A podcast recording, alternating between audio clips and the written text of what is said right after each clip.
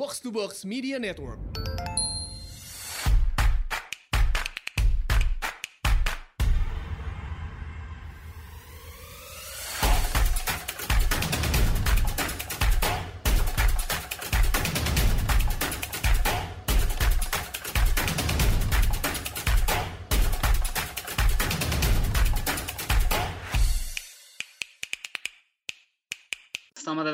Asumsi Bersuara. Kali ini gue kedatangan uh, Putra Satria Sambiantoro. Uh, Satria ini Chief Economist di Bahana Sekuritas.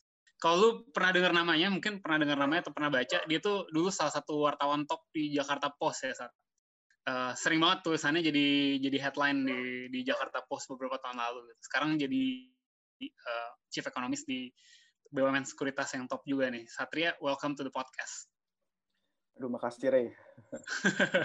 Introduction-nya sangat baik hati lah. Datang ke asumsi yang biasanya didatengin seperti uh, Menteri Keuangan seperti Katib Basri. Saya merasa terhormat.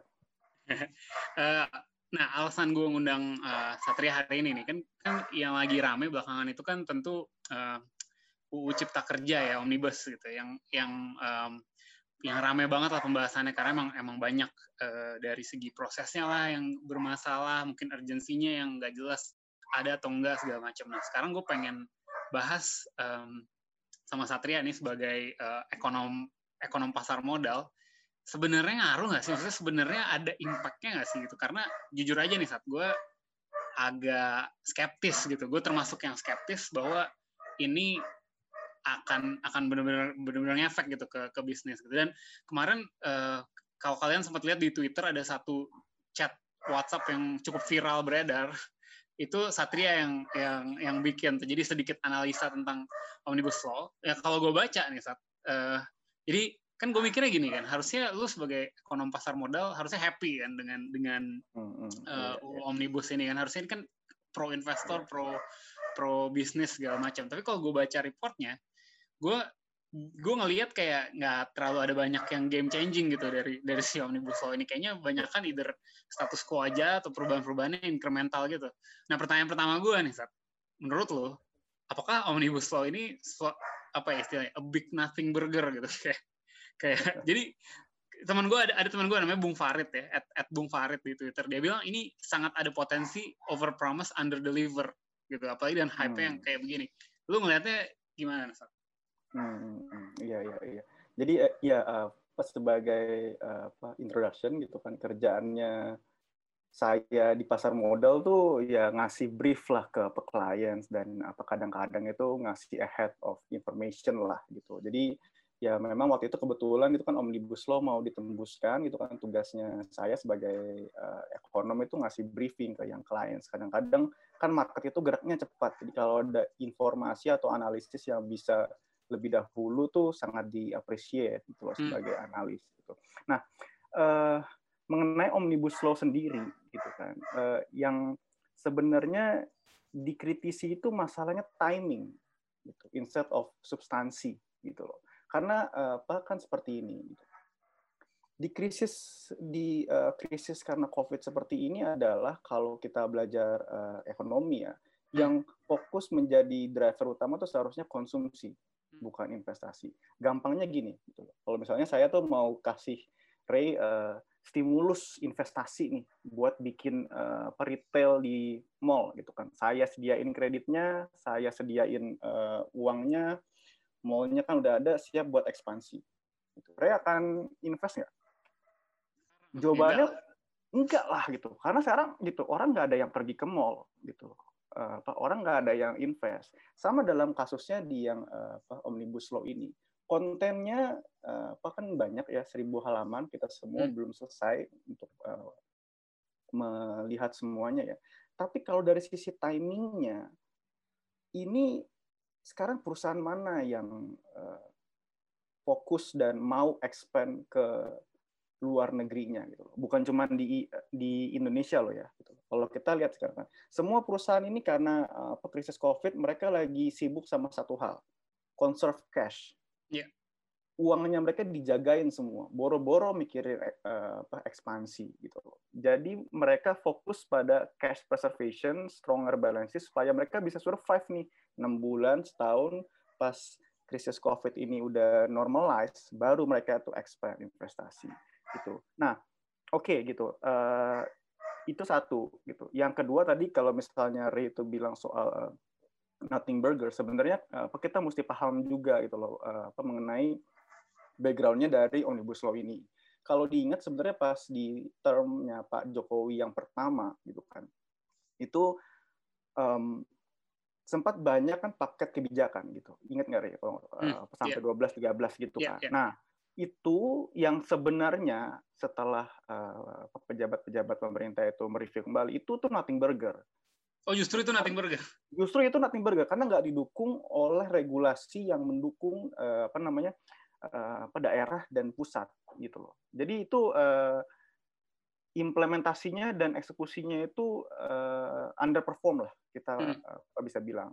Nah, uh, omnibus law ini spiritnya itu mensinkronkan undang-undang yang mau bikin uh, eksekusi itu lebih bagus gitu dari sisi eksekutif, uh, presidensial dan lain-lain. Nah, yang terakhir gitu loh, ini uh, saya bilang sih timingnya kan kurang pas karena kan uh, apa begini, misalnya Pak Pak Jokowi bilang gitu kan kemarin, baru kemarin banget, dia bilang, e, iya sekarang ini di Omnibus Law itu buat PT nggak ada modal minimum.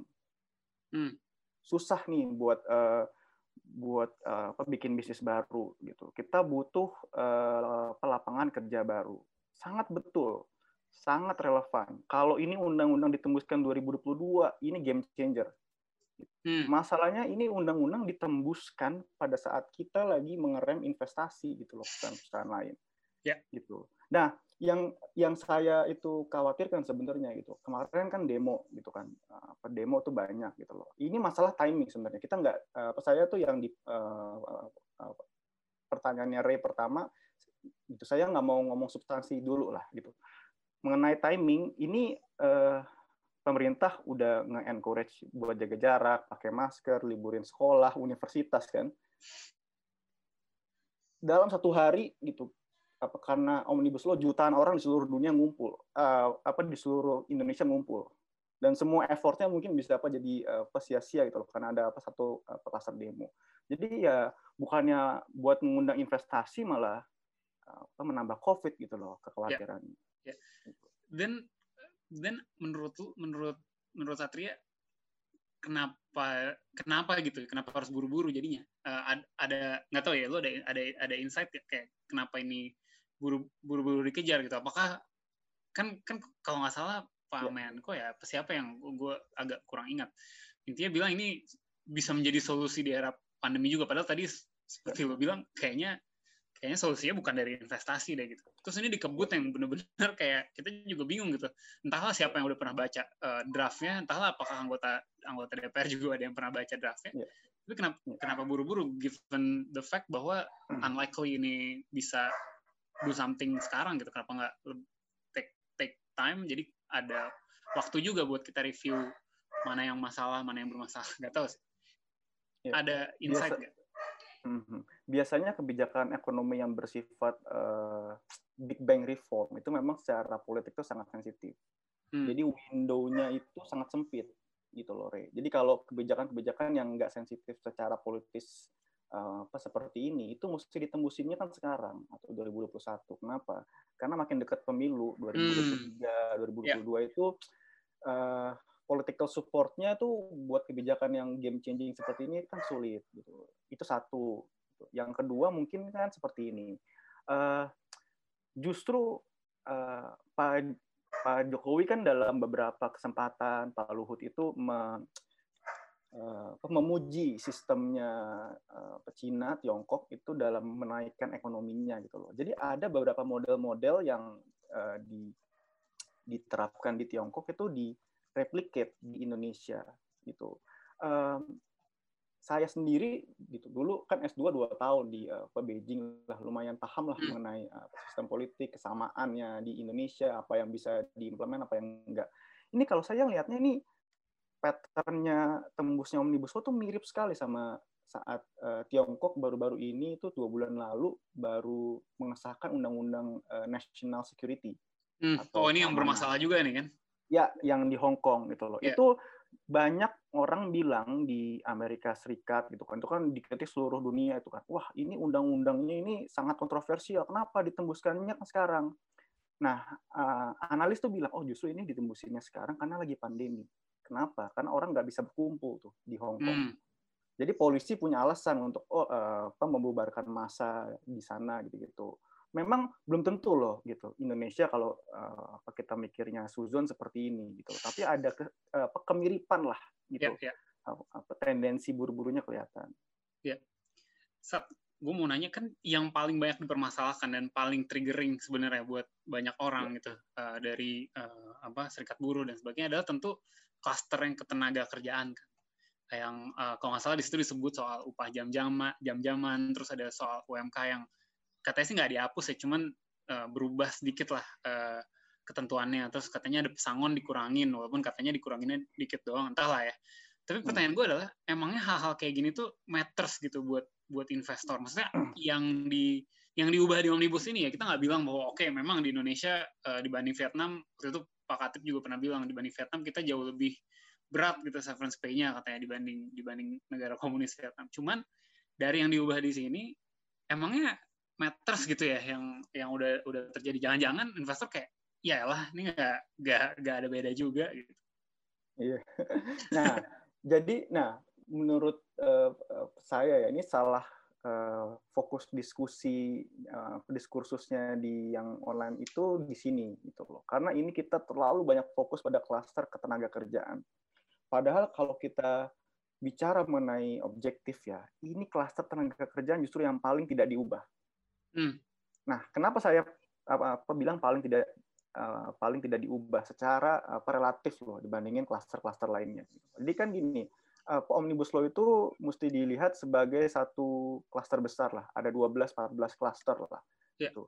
Yang paling catchy secara media netizen buat debat memang ini klasternya gitu. Tapi gini, saya bisa bilang ya, gitu. Kenapa saya tuh bilang nggak banyak berubah? Karena ini ini masih undang-undang yang bersifat sangat rigid dibandingkan uh, undang-undang sebelumnya itu belum jadi undang-undang yang udah uh, liberal gini dua poin aja satu uh, uh, pesangon itu tetap ada dan masih banyak dua uh, UMR masih ada dan masih tetap generous gitu. padahal ini dua concern yang di, uh, sering dilihatkan oleh uh, investor ya oke mengenai pertama pesangon gitu. Kita bilang wah pesangon dikurangi dan lain-lain gitu. Ini diskusinya salah karena headline-nya selalu bilang oh dari 32 turun ke 25. Padahal 32 turun ke 25 tuh yang pertama ya. In reality tuh bisnis nggak ada orang yang setelah 20 tahun kerja di PHK dapat uh, 32 bulan gaji. Gitu. Hmm. Kedua, 32 ke 25 tuh uh, masih kecil gitu uh, apa pengurangannya gitu. Uh, saya tahu kalau di Vietnam itu pesangonnya satu tahun kerja itu setengah bulan gaji. Jadi kalau mau dapat 25 bulan gaji itu di Vietnam mesti kerja selama 50 tahun. Ya. Gitu. Ya. Untuk gambarin lah betapa undang-undang kita masih sangat rigid. Oke, mengenai uh, apa pesangon itu kan, UMR tadi benar-benar nggak berubah gitu, masih ada perhitungan inflasi, uh, pertumbuhan ekonomi dan lain-lain. Nah, kompensasi PHK itu kalau dirumuskan uang pesangon ditambah uang apresiasi kerja ditambah uang lain-lain. Misalnya gini, kalau misalnya uh, saya tuh udah kerja enam tahun di uh, apa, asumsi gitu kan, terus di uh, di PHK saya mestinya dapat sekitar 13 bulan gaji, hmm. Gitu kan, 2 n plus satu lah kira-kira uh, perumusnya. Nah dari 12 bulan ini, 7 bulan itu uang PHK, tiga bulan uang apresiasi kerja, tiga bulan itu lain-lain. Nah, yang uang pesangonnya ini eh, apa tujuh bulan atau 60 persen 70 persen lah dari yang compensation buat layoff itu gak diubah sama sekali. Hmm. Saya bisa cek gitu kan, semua bisa cek liatin uh, undang-undangnya kontra dengan 2003 itu nggak berubah. Yang diubah itu cuma uang apresiasi kerja tadinya tiga bulan jadi dua bulan terus uang lain-lainnya tuh dikurangin sedikit lah gitu eh, apa kira-kira gitu melalui PP. Jadi itu bottom line kalau saya enam tahun kerja dengan omnibus law yang baru saya sangatnya berkurang jadi 11 atau hmm. 10 which is still not bad lah. Uh, lu di PHK setelah enam tahun tetap dapat hampir satu tahun gaji gitu. Kalau misalnya saya ya, ya gue gue mau gue mau poin gue gini. Itu mungkin lu bisa bilang it's still not bad tapi buat orang yang mengalami itu kan jelas itu it's, it's something really bad gitu. That's why mereka mereka hmm. benar-benar benar-benar merasa ini suatu ancaman lah gitu terhadap yeah. terhadap diri mereka tapi apakah tiga bulan itu matter buat investor gitu? Ini kan kita nah. ngomongin ini kan kita ngomongin kayak lu lu kita bikin satu klaster ketenaga kerjaan yang yang dipermasalahkan semua orang tapi apakah apakah itu maksud gue tiga bulan itu apa sih buat buat buat uh, investor yang mau masuk ke Indonesia? Apakah itu menjadi pertimbangan utama mereka gitu? Oh pesangonnya berkurang tiga bulan. Oke okay, mari kita masuk ke Indonesia. Apakah ada yang berpikir gitu gitu?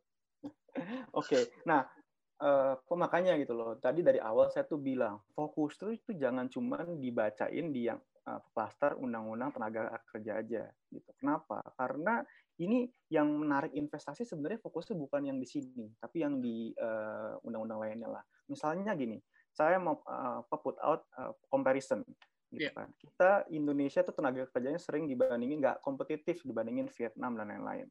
Saya mau bilang uh, dua hal. Satu, uh, saya punya datanya bahwa Indonesia itu tenaga kerjanya tiga kali lebih produktif dibandingin Vietnam. Kita itu sekitar 11.000 US dollar uh, manufacturing productivity-nya per tahun di Vietnam tuh 3.000 hingga 5.000 uh, US dollar gitu loh. Karena kita kan secara uh, value added itu uh, sebenarnya kan lebih besar lah uh, secara GDP uh, fenomenal. Satu, dua uh, orang terutama uh, apa, uh, ekonom, market, pejabat di Indonesia suka salah mengcompare Indonesia dengan Vietnam kita sering dibilang tuh kan seperti ini. Oh, Indonesia uh, nggak nggak kompetitif, nggak dapat FDI dari uh, Tiongkok gitu loh. Tiongkok pindahnya hmm. ke Vietnam semua. Nah, ini nggak benar gitu loh ngomper Indonesia dengan Vietnam apple to apple dalam hal investasi si Cina. Kenapa? Satu, Cina, uh, Vietnam itu negara komunis, one party system gitu. Sama persis kayak Cina lah.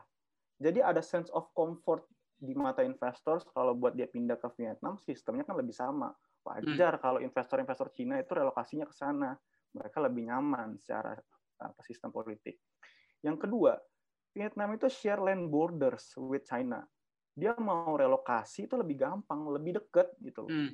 misalnya uh, uh, perusahaan Cina mau invest di uh, mau pindah ke Vietnam Vietnam itu bisa nge-serve market Cina juga dengan deket gitu loh dia yeah. ada apa jalan darat, jalan lautnya kan lebih mudah.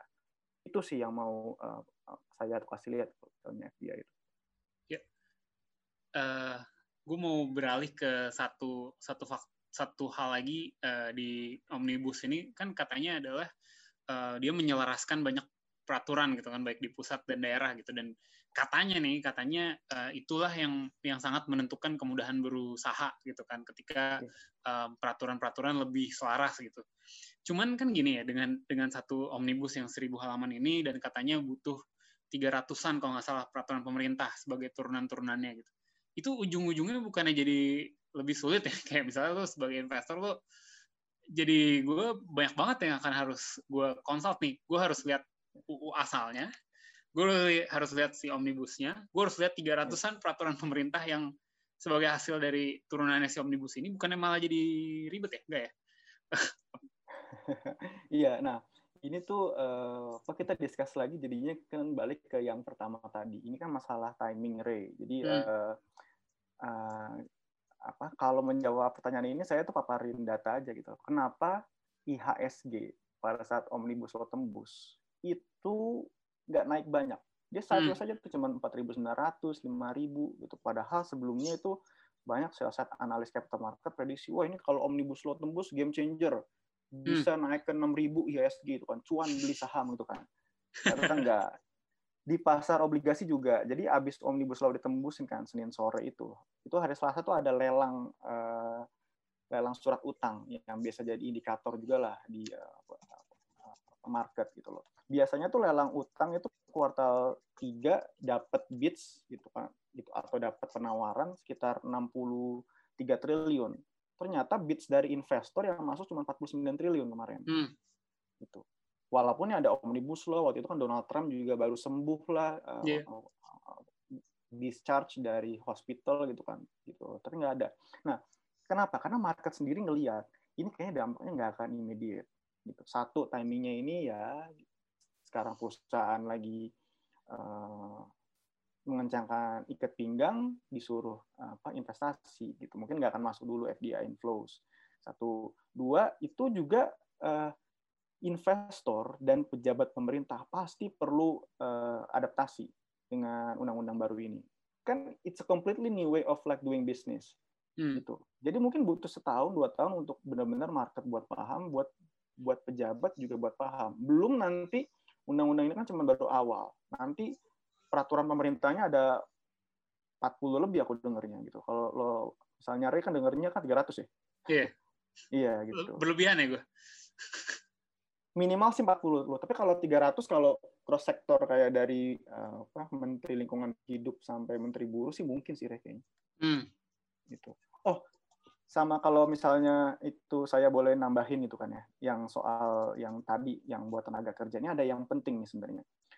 Uh, kenapa sebenarnya undang-undang tenaga kerja kita ini yang paling nggak matters lah buat investor gitu kan kalau misalnya apa kita lihatnya kan rate gitu kan hmm. karena tuh gini sebenarnya undang-undang tenaga kerja yang rigid atau yang kaku itu dibutuhin kalau lagi krisis justru dibutuhin hmm. justru malah bagus gitu loh uh, justru kalau undang-undang uh, tenaga kerjanya itu ketat gak gampang buat nge-PHK-in orang itu jadi masyarakat tetap punya income saat krisis di cushion itu. Hmm. Dia tetap punya uh, penghasilan, dia tetap bisa konsumsi. Jadi recover-nya setelah krisis itu lebih cepat. Itu kelihatan pattern-nya di uh, tahun 2007-2008 krisis. Itu uh, negara seperti uh, Cina, uh, Korea Selatan, Jepang itu kan dia kan rigid tuh. Jadi kalau hmm. misalnya kayak nonton film-film kartun itu kan bapaknya Nobita atau bapaknya Shinchan kan, kan kerja satu perusahaan terus kan. Ya. nggak apa pindah-pindah. Karena undang-undang uh, tenaga kerjanya kan strict. Itu dia susah nge orang justru bagus krisisnya. Dia recovernya cepat nggak perlu uh, apa rehiring proses lagi. Lihat deh di Amerika. Pas krisis finansial tuh uh, angka penganggurannya 14 persen di Cina di uh, di Korea Selatan tuh cuma 3 4 persen naiknya ke 5 Indonesia paling cuma naik cuma ke 7 8 persen gitu kan unemployment rate-nya justru bayangkan ya apa yang terjadi kalau undang-undang cipta kerja ini yang klaster tenaga kerja direvisinya tahun lalu sebelum COVID. Tiba-tiba COVID tuh di PHK-in semua kan gampang kan PHK murah gampang jebret. Itu ekonomi kita mungkin nggak minus 5 kali kuartal 2. Minus hmm. 10, minus 20 kali. Iya. Kita mesti uh, bersyukur dengan undang-undang seperti ini. Eh, mumpung kita lagi balik ke urusan ketenaga kerjaan, kalau nggak salah ya. ada satu satu aspek di klaster tenaga kerjaan itu yang menurut gue cukup menarik yang soal ya. jaminan ya um, yang seperti yang semacam asuransi asur, asuransi pengangguran ya jaminan apa ya, sih istilahnya JKP jaminan, apa jaminan kehilangan pekerjaan ya betul jaminan ke, ya, ya jaminan aneh. kehilangan pekerjaan ini kan modelnya rada rada menyerupai yang di di banyak negara Eropa dan di, di Amerika juga yes. kan unemployment insurance gitu kan jadi instead yes, of nggak tahu ya uh, mungkin nggak sepenuhnya dilakukan di sini tapi kalau di sana kan instead of uh, perusahaan yang harus bayar the cost bayar severance berapa bulan yeah. tapi karena mereka udah bayar premi setiap bulannya maka ketika dia harus mem, mem, gitu maka si yeah. karyawannya dapat benefit dari si skema asuransi ini gitu kan jadi dari sisi karyawannya dia uh, secure tapi dari sisi um, perusahaannya dia lebih fleksibel juga mas kalau mau nge off hmm. dia bisa gitu flex security kalau saya kita nggak iya. nggak mempersiu itu ya di nggak nggak terlalu mempersiu itu di di omnibus ini. Nah, iya itu uh, apa saya tuh sebenarnya punya analisis kritis lah mengenai yang jaminan kehilangan pekerjaan ini gitu loh. Jadi ini memang secara perspektif dari investor asing tuh lebih uh, lebih kompetitif gitu loh karena ya tadinya apa 32 bulan gaji maksimal sekarang 25 sekarang sebenarnya turun lagi 19 karena rasionya yang dijamin sama pemerintah sama perusahaan tuh tiga banding satu. Hmm gitu. Misalnya kalau tadi saya dapat 13 bulan gaji gitu kan pas di PHK, kira-kira yang dijamin oleh uh, perusahaan saya gitu kan asumsi itu bakal bayar saya kan 9 bulan gaji, 3 4 hmm. bulannya itu dari pemerintah melalui JKP ini. Ini uh, melalui sistem reimburse lah atau mungkin nanti kan BPJS TK gitu. Tapi uh, ini menimbulkan pertanyaan baru gitu kan. Walaupun nantinya ini kan diatur dalam PP ya. Ini yang bayar siapa JKP-nya? Hmm. Gitu. JKP-nya ini uh, proposal-proposal yang sudah beredar itu kan ide-idenya adalah oh iya ini dari pemerintah berarti ada tambahan dari APBN hmm. tapi ini juga ditambah oleh iuran dari perusahaan dan karyawan. Kan jadi pertanyaan juga kalau saya misalnya bayar iuran tiap bulan kok saya di PHK-nya itu pesangonnya pakai duit saya sendiri itu loh. Itu kan duit kan hak saya sebenarnya itu hmm. sedangkan pesangon kan sebenarnya kompensasi itu bukan duit tabungan saya sebenarnya itu uh, mengenai sistem ini apakah efektif dan uh, unemployment benefits ini bisa di apply di Indonesia atau enggak itu kan Nah, analisis kritisnya adalah begini. Sebagian besar pekerja kita itu sektor informal, ya. 60 hmm. 65 persen lah gitu loh informal. Uh, sulit untuk mengkaitkan itu saya nggak bilang nggak mungkin ya sulit untuk meng, uh, mengkaitkan atau nyari link antara pekerja informal gimana nih caranya buat ngasih JKP itu hmm. kalau di PHK atau gimana itu aja sih kalau saya lihat oke gue mau nanya lagi jadi uh, salah satu kritik uh, utama terhadap omnibus ini kan salah sasaran gitu. Ini Pak Faisal Basri nih uh, banyak ya. mengkritik bahwa kayak menurut dia investasi kita belakangan tumbuh lumayan, belakangan juga udah sampai 34% dari PDB gitu. Tapi investasi ini ya. tidak menghasilkan output yang besar karena ikor ikor kita ya. masih tinggi gitu kan, kita tidak tidak efisien. Kalau menurut dia sih yang menjadi masalah utama itu korupsi dan birokrasi yang nggak efisien gitu, uh, hindrance terhadap terhadap investasi. Nah, tapi apakah si si omnibus ini kan nggak mengadres itu kan harusnya malah kalau kalau kita lihat belakangan ya pemberantasan korupsi kita kan rada mandek ya apalagi yeah. KPK yang baru juga yeah. Ya. uh, kayaknya ber, berimpact lumayan kemarin kita sempat bahas juga di, di beberapa episode sebelumnya asumsi hmm. uh, lu ngelihatnya gimana nih jangan-jangan emang ya gara-gara ini dia jadi nggak ngaruh gitu. nah itu uh, perlu diklarifikasi juga tuh wordingnya apa dari Ray. kan bilang kan undang-undang omnibus ini nggak mengadres ini uh, nggak meng, nggak mengadres ini kan. Hmm. Sebenarnya mungkin undang-undang cipta kerja yang klaster ketenaga kerjaan yang nggak mengadres. Tapi omnibus law-nya sebenarnya mengadres. Hmm. Itu kalau kita liatin dan kita baca pelan-pelan semuanya. Uh, kenapa saya tuh bilang gini? Oke, okay, in general saya sangat-sangat setuju dengan view-nya Pak Faisal sebenarnya dulu apa dosen saya di FUI lah itu kan mata kuliah perekonomian Indonesia sama ekonomi politik itu Bang iya. Faisal kan. Nah, um, seperti yang saya tuh bilang tadi gitu loh, uh, tenaga kerja itu masalah, salah satu masalah doang di Indonesia. Tapi masalahnya banyak. Masalahnya itu bukan cuma di tenaga kerja dalam hal menarik investasi. Betul banget yang dibilang itu masalah birokrasi dan korupsi. Justru itu yang di diincar untuk diselesaikan melalui omnibus law ini. Gitu.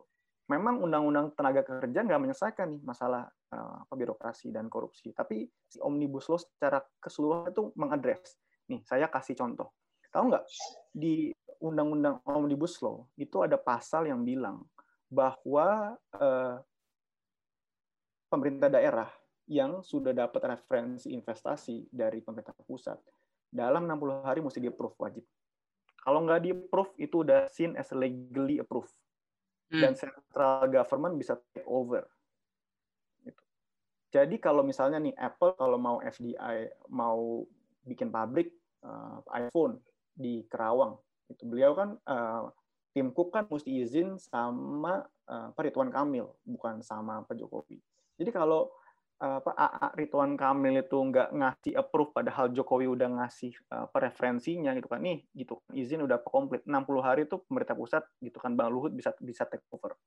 Which is bagus. Kenapa? Karena ini mengurangi birokrasi dan korupsi di daerah gitu. Kalau Bang Ridwan Kamil mungkin bersih lah gitu loh gitu. Tapi kita nggak tahu. Kita lihat kan banyak apa TTKPK itu yang terkait perizinan di local levels di daerah yang lama atau apa jadinya ya ada korupsi lah dan lain-lain. Ini itu kalau izin udah lengkap Anda mesti approve 60 hari.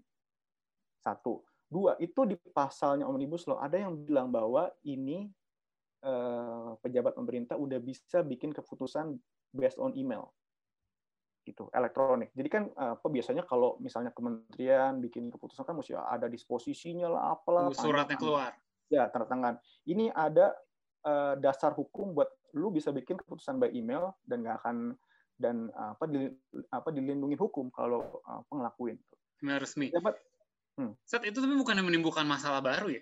Maksudnya mak maksudnya iya di satu sisi um, jadi tidak tidak ada apa ya tidak ada lu lu jadi nggak bisa uh, korup-korup di daerah gitu kan kayak untuk ya. gua keluarin izin ini lu harus swap gua atau gimana karena apa pun yang terjadi kalau udah dapat referensi dari pusat lu lu pasti pasti harus dapat izin. Tapi kan itu kan memindahkan kekuasaan dari daerah ke pusat. Itu sentralisasi. Kekuasaan that's a, that's a different problem guys. Kayak nah, kayak jadi begitu banyak kekuasaannya pemerintah pusat kan. Nah iya. Nah masalahnya kayaknya kan tergantung. Kita mau percaya yang mana buat lebih efisien gitu loh. Hmm. kalau kita mau mengcopy investment model di Vietnam dan di Cina yang sudah terbukti sukses sudah terbukti ya dalam menarik FDI investasi asing ini mungkin sistem yang bagus ini sistem yang baik gitu loh. Kalau kita percaya bahwa sistem desentralisasi fiskal adalah yang terbaik, gitu, pemerintah daerah itu jujur-jujur semua, gubernur dan wali kota itu lebih jujur bandingin pemerintahan pusat. Ini adalah sistem yang mungkin uh, uh, kemunduran. Gitu. Jadi tergantung uh, itu mau percayanya kan yang mana. Tuh, kalau misalnya dari saya ya gitu, pesan saya sih kalau misalnya ngelihat gini kan uh, use your votes very wisely in 2024 hmm. gitu loh. Karena oke okay, kita percaya Pak Jokowi itu orang yang baik. Gitu. Beliau memperhatikan rakyatnya dan lain-lain. That's why we uh, grant we'll see. him strong executive powers nih with this hmm. omnibus law itu kan mandat kan dari uh, para rakyat kan DPR gitu kan buat ini. Nah, jadi tahun 2024 gitu kan anak-anak muda atau apa ya choose your wise wisely. Ini karena nih omnibus law ini benar-benar uh, memperkuat executive powers gitu. Yang memang kalau modelnya di Vietnam dan di Tiongkok sukses. Yeah. Good thing lu tadi mention soal memperkuat executive power. Jadi salah satu yang gue baca juga adalah banyak pasal-pasal di undang-undang lama uh, di mana peraturan turunannya itu kan katanya biasanya kan dibuat dalam bentuk PP atau peraturan menteri. Nah, pasal-pasal yeah. kayak gini tuh dicabut. Katanya sekarang lu bisa cukup dengan surat edaran aja ya kalau kalau gue nggak salah oh, baca nih.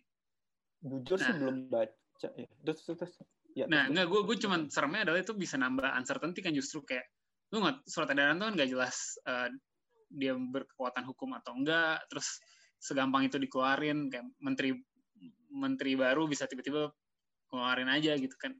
Don't you think hmm. itu bisa berpotensi ya ya kan again ini ini mencentralize semua kekuasaan di tangan eksekutif branch nah yang centralized di pemerintahan pusat gitu. Nggak ya, ya. nggak tahu ya gue gue agak agak seremnya gitu di situ sih kayak terlalu terlalu banyak terlalu banyak kekuasaan yang eh terlalu banyak hal yang lu bisa dalam diskresi pemerintah aja gitu. Nggak uh, sebenarnya mesti dilihat lagi gini sih kalau yang uh, yang yang pasal itu memang saya belum baca lengkap ya jujur ya gitu kan. Kalau ada yang bilang lah analis market bilang dia ngeluarin report, udah ini nih implikasinya omnibus law terhadap tiap sektor. Saya bisa bilang itu mungkin nggak benar gitu. Because you hmm. just don't write analysis, you don't review lagi 900 page legislation overnight. Gitu. Yeah. You, apa you just cannot do it lah. Nah, mengenai tadi yang centralized power, sebenarnya ini ngasih kalau saya ya gitu kan, opini pribadi saya itu ngasih satu carrot and stick mekanisme yang bagus. Hmm. Uh, misalnya ya, ya kalau dulu tuh memang uh, pemerintah pusat dia bisa uh, dia belum bisa overrule lah gitu loh kayak hmm. uh, Pemda terus regulasi dan lain-lain gitu loh. Ini tahu nggak kalau dia undang-undang baru yang saya tuh baca apa salah satunya ya itu kalau misalnya Pemda insist dia itu uh, naruh regulasi yang bertentangan dengan pemerintah pusat, itu pemerintah pusat bisa withhold dana transfer daerah. Hmm. Jadi dia nggak dapat dana alokasi umum gitu-gitu loh, yang dana uh, transfer daerah. Jadi ini tuh sebenarnya secara sistem tuh bagus lah top down rate gitu, karena sekarang kita lihat banyak eh, pemimpin-pemimpin daerah yang bikin kebijakan nggak sinkron sama pusat. Padahal kita kan bernegara gitu loh. Kita kan NKRI, mestinya ada sistem yang yang sedikit lebih top down dan apa lebih efisien itu dibandingkan kalau pemerintah pusat uh, bikin kebijakan di revoke sama uh, pemerintah uh, daerah. Nih, uh, saya mau ngasih contoh. Ini contoh yang sebenarnya menarik, tapi jarang uh, orang tahu gitu loh. Pak Jokowi pas jadi wali kota Solo itu pernah dibilang uh, antara ngeyel atau goblok sama gubernurnya Jawa Tengah yeah, waktu itu. Gue ingat, gue ingat. Ya, sama Pak Bibit kan. Yeah. Itu tahu nggak alasannya tuh kenapa? Karena tuh gini. Uh, bikin mall kan? Ada, ya benar. Uh, ada developer mall mau bikin di Solo. Dia izinnya ke ke gubernur. Gubernur ngasih izin, wali kotanya nggak ngasih izin Pak Jokowi itu kan. Terus hmm. Pak Bibit bilang ini gubernur uh, apa wali kota Solo ini uh, peson, uh, pesontoloyo atau goblok atau apa gitu kan. Yeah, nah, yeah, yeah. Tapi lesson learn ya yang bisa dilihat dari kasus ini adalah lihat gimana powernya di Indonesia nggak balance. Bayangin, wali kota itu bisa nge-cancel investasi dari gubernur, apalagi dari presiden coba. Ini kan jadi nggak efisien itu loh. Misalnya gini, saya mau uh, Tesla mau bikin pabrik di Solo, dia bingung dong. Dia izinnya mau ke Gibran, oh belum, belum belum belum belum, mau ke mau ke apa wali kota Solo. FX Rudiatmo. Ya, mau ke Pak FX Rudiatmo, mau ke Pak Ganjar, atau mau yeah. ke Pak Luhut atau mau ke Pak Jokowi langsung gitu kan. Iya. Kan bingung jadinya. Ntar apa gue udah dapat approval tiga di atas, tiba-tiba Pak FX nggak approve. Nah, gitu kita bisa lihat lah gitu loh kasus-kasusnya apa seperti ini tuh banyak di Indonesia. Bahkan Pak Jokowi ngalamin sendiri. Saya rasa juga ditembuskannya omnibus law yang ngasih eksekutif power seperti ini itu sedikit banyak juga berdasarkan pengalaman Pak Jokowi dulu pas jadi apa wali kota. Jangan power sampai ada orang-orang yang kayak gua dulu gitu ya. yang lo ke levelnya terlalu ini atau iya atau misalnya ada yang PSBB tapi gitu apa belum izin pusat misalnya ya gitu kan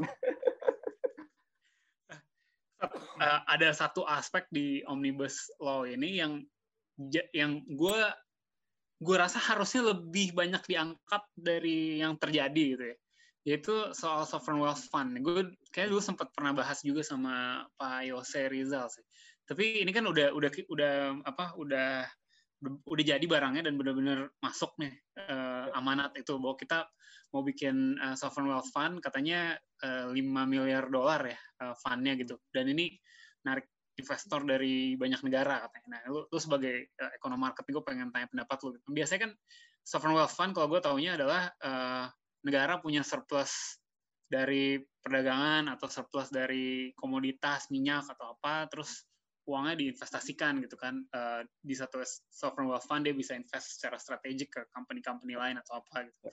Nah kalau ini kan kita kayak ini ya punya apa mau bikin sovereign wealth fund tapi dananya ya juga narik-narik dari luar gitu. Sebenarnya ini ada kebutuhan nggak sih gitu? Karena kalau berkaca pada One Malaysia Development Berhad, One MDB kan serem ya. Potensi yeah, yeah. potensi aneh-anehnya sangat banyak gitu. Lu lu yeah, ngeliatnya yeah. gimana? Iya, yeah. nah kalau S uh, nah SWF ini sebenarnya juga salah satu contoh dari konsep di yang omnibus law ini yang again kembali lagi ini masalah timing gitu loh. Jadi SWF dan omnibus law secara keseluruhan itu niatnya baik gitu loh. Ya untungnya kalau apa di Islam tuh kalau orang udah niat duluan tuh dapat pahala lah. Jadi Pak Jokowi Pak Luhut tuh pahalanya banyak ini. Nah, Uh, kembali lagi masalahnya timing gitu loh. Jadi apa analisis kritis saya terhadap SWF adalah ini. Nah, SWF tadi seperti yang Ray bilang itu adalah uh, satu konsep investasi yang mirip lah. Biasanya tuh dimilikin oleh negara yang punya surplus devisa. Gitu. Jadi dan dia bingung nih gitu invest uangnya hmm. kan ke mana? Hmm. Gitu. Udah dia bikin lah konsep investasi seperti misalnya uh, Tiongkok tuh bikin apa One Belt One Road gitu kan dia finance tuh infra infra project di uh, Pakistan, Sri Lanka, Malaysia gitu gitu loh. Dia bikin tuh uh, apa Asian Infrastructure Investment Bank gitu kan. AIIB tuh mirip-mirip juga konsepnya seperti itu. Dia tuh si Cina punya akses uh, surplus devisa, dia manage gitu. Nah, di Indonesia kita tuh negara keren account defisit. Kita defisit habis lah mengenai hmm. uh, devisa ini gitu loh. Kita impor lebih banyak gitu. Kita kan repatriasi dividen primary income defisitnya besar kita tuh CAD kita defisit tahun lalu 32 miliar US dollar bayangin berarti sekitar 300 triliun 400 triliun itu dana keluar gitu.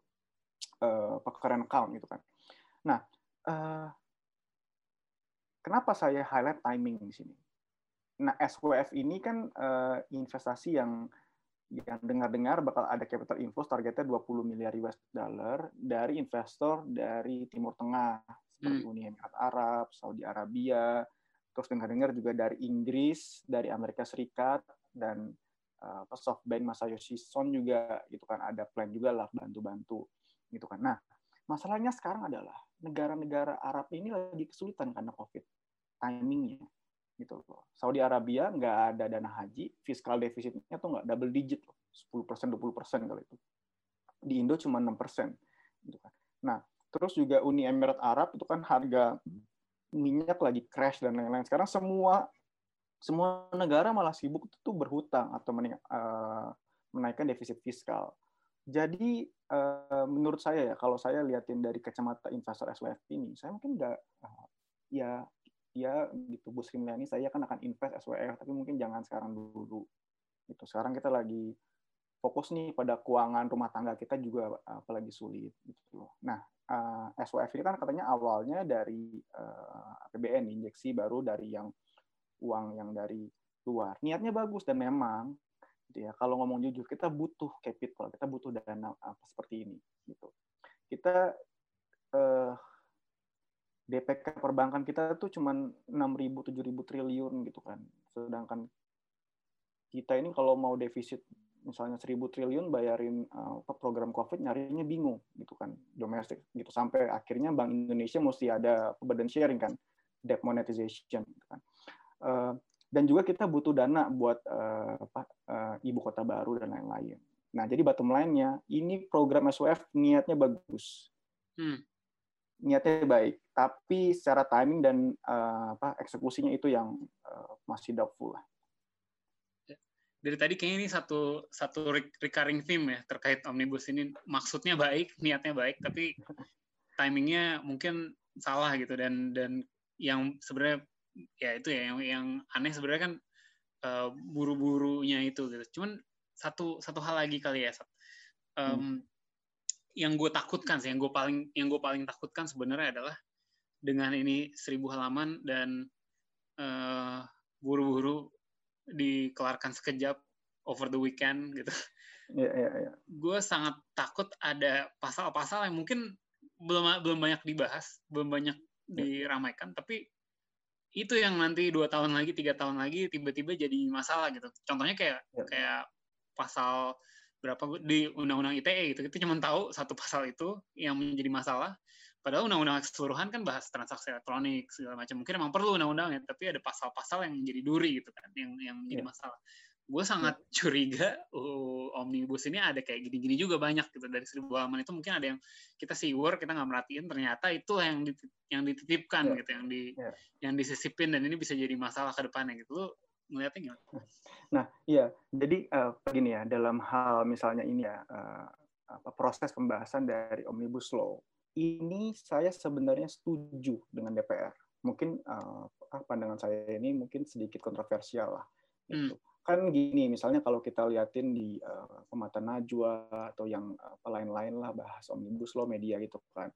Wah, dia bilang, oh DPR tidak uh, tidak terbuka ini seribu halaman uh, panjang lebar gitu kan. Kita nggak tahu main langsung tembusin gitu kan. Nah sekarang masalahnya adalah ini banyak beberapa mungkin NGO NGO ya yang baru mempermasalahkan atau ribut setelah undang-undangnya ditembuskan. Tapi apakah apa mereka tahu bahwa DPR sebenarnya membuka loh prosesnya? Sangat sangat membuka justru kerjaan saya di capital market dan tim gitu kan tim uh, pemakro saya kan, kan ada apa dua tuh kan Wulan sama Rami gitu kan. Itu kerjaannya kan nontonin omnibus law gitu karena di live dibuka Ray di website YouTube-nya DPR di hmm. warta parlemen itu tiap rapat dibuka. Jadi dia tuh rapat saya perhatiin seringnya tiap Sabtu. Sabtu malam malam Minggu bayangin. Di hmm. sini saya seharusnya saya ngasih apresiasi lah buat DPR gitu loh. Jarang-jarang loh ini loh uh, biasanya target program legislasi nasional proyek nggak tembus ini DPR tuh rapat tiap uh, weekend gitu. Dan itu kan beneran yang DPR bilang yang balik bilang itu kalau ini dibuka itu sangat-sangat benar. Pertanyaannya mengapa gitu kan NGO kita sivitas akademika nggak kritis dari awal? Gitu. karena kalau misalnya kita mau untuk menyaksikan mau mengkritisi itu sebenarnya bisa banget. Itu rapat DPR dibuka di YouTube tinggal ditontonin live pembahasannya daftar inventaris masalahnya kan lengkap.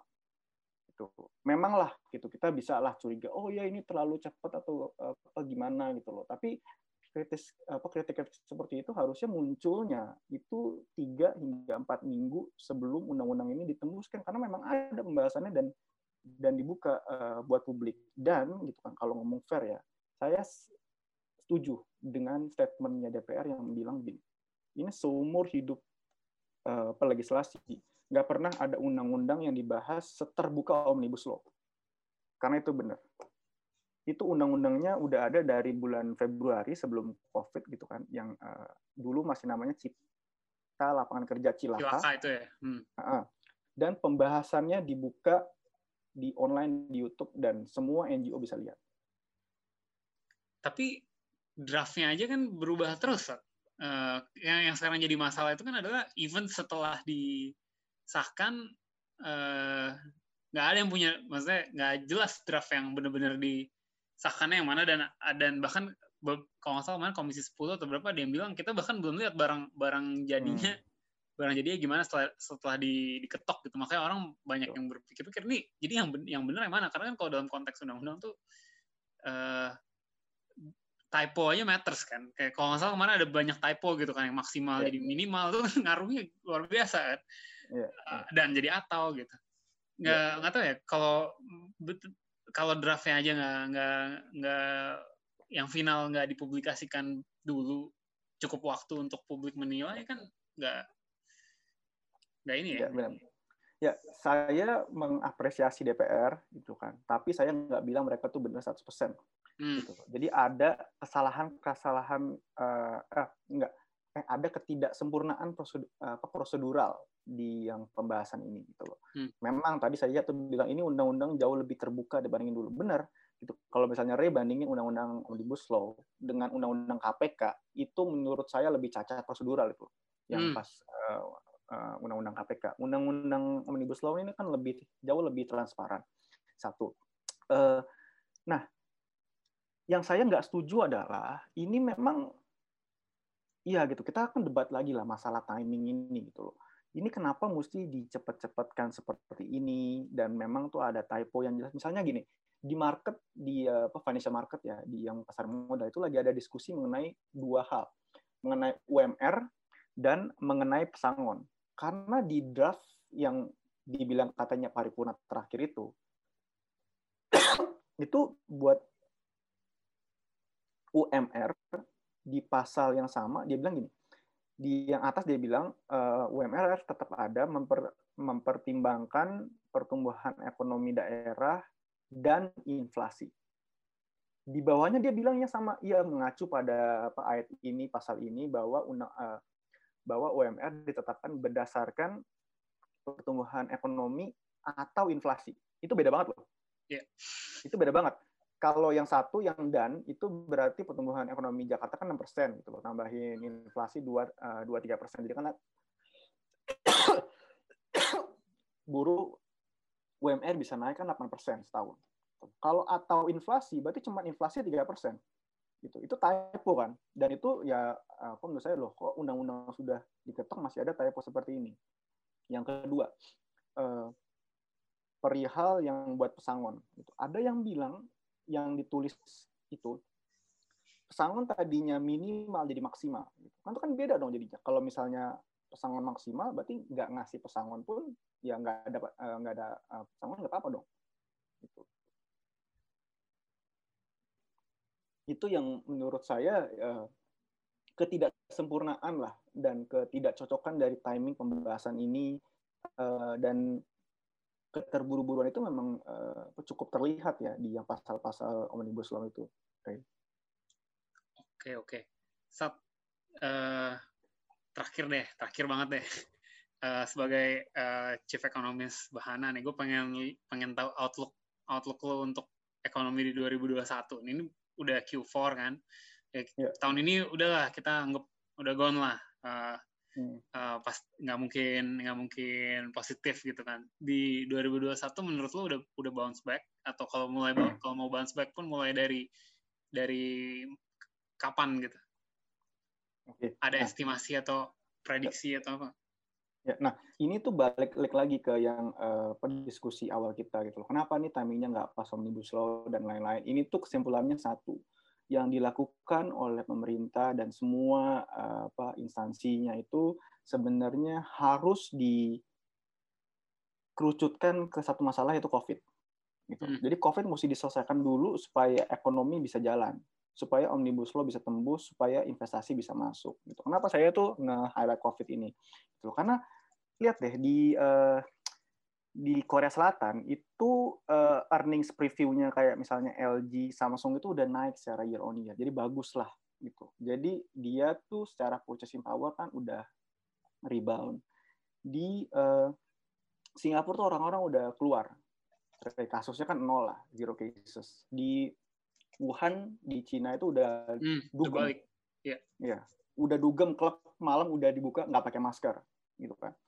Uh, orang travel juga udah pekan nggak pakai masker. Itu ekonomi retail sales recover gitu. Kalau misalnya masyarakat ada confidence di ekonomi gitu kan, dia mulai spending gitu, dia mulai uh, ada demand. Di uh, Malaysia teman saya tuh bilang gitu, hey, uh, hey Satria, here uh, we have lockdown after like a 30 cases, like a 30 new cases. Like how could you live in a new normal while your cases are like 4,000 a day? Hmm. Dia bilang kayak ya ya iya jadi kan gini selama apa kurs apa kurvanya covid belum di flatten itu ekonomi belum akan recover oke okay, yeah. kan gini uh, sekitar bulan lalu saya tuh ada conference call dengan salah satu investor Malaysia lah dia bilang wow Indonesia is very good you know your economy only contracted by minus 5% in the second quarter gitu kan. Here in Malaysia is like minus 17%.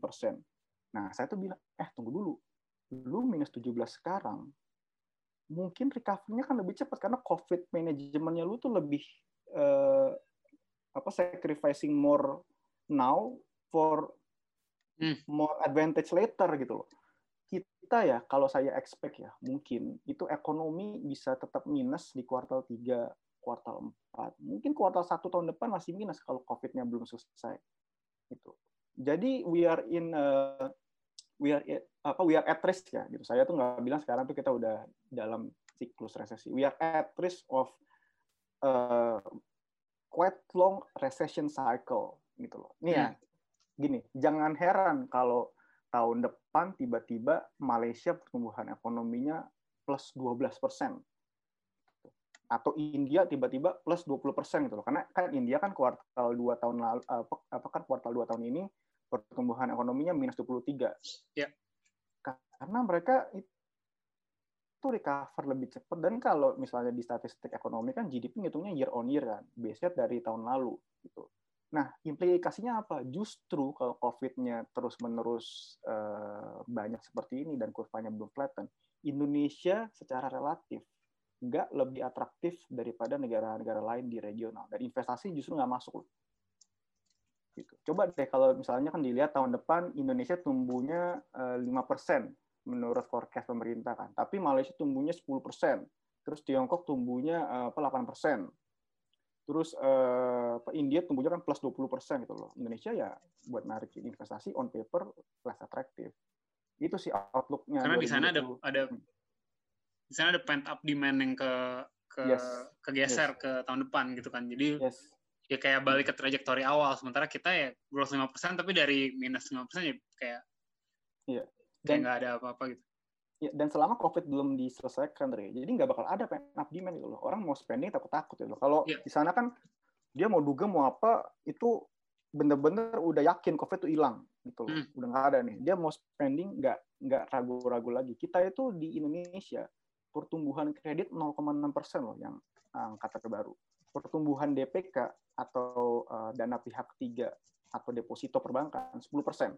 Bayangin, hmm. jadi orang itu nggak spending, dia, dia nabung terus karena takut nih nggak selesai-selesai COVID-nya. Dan ekonomi yeah. ya selama COVID belum selesai susah buat benar-benar uh, akselerasi. Iya. Yeah. Oke, okay.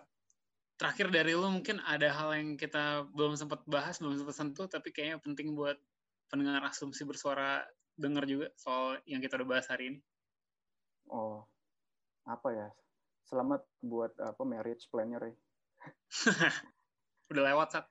Oh, udah lewat ya. Tetaplah gitu selamat langsung nih di depan asumsi bersuara.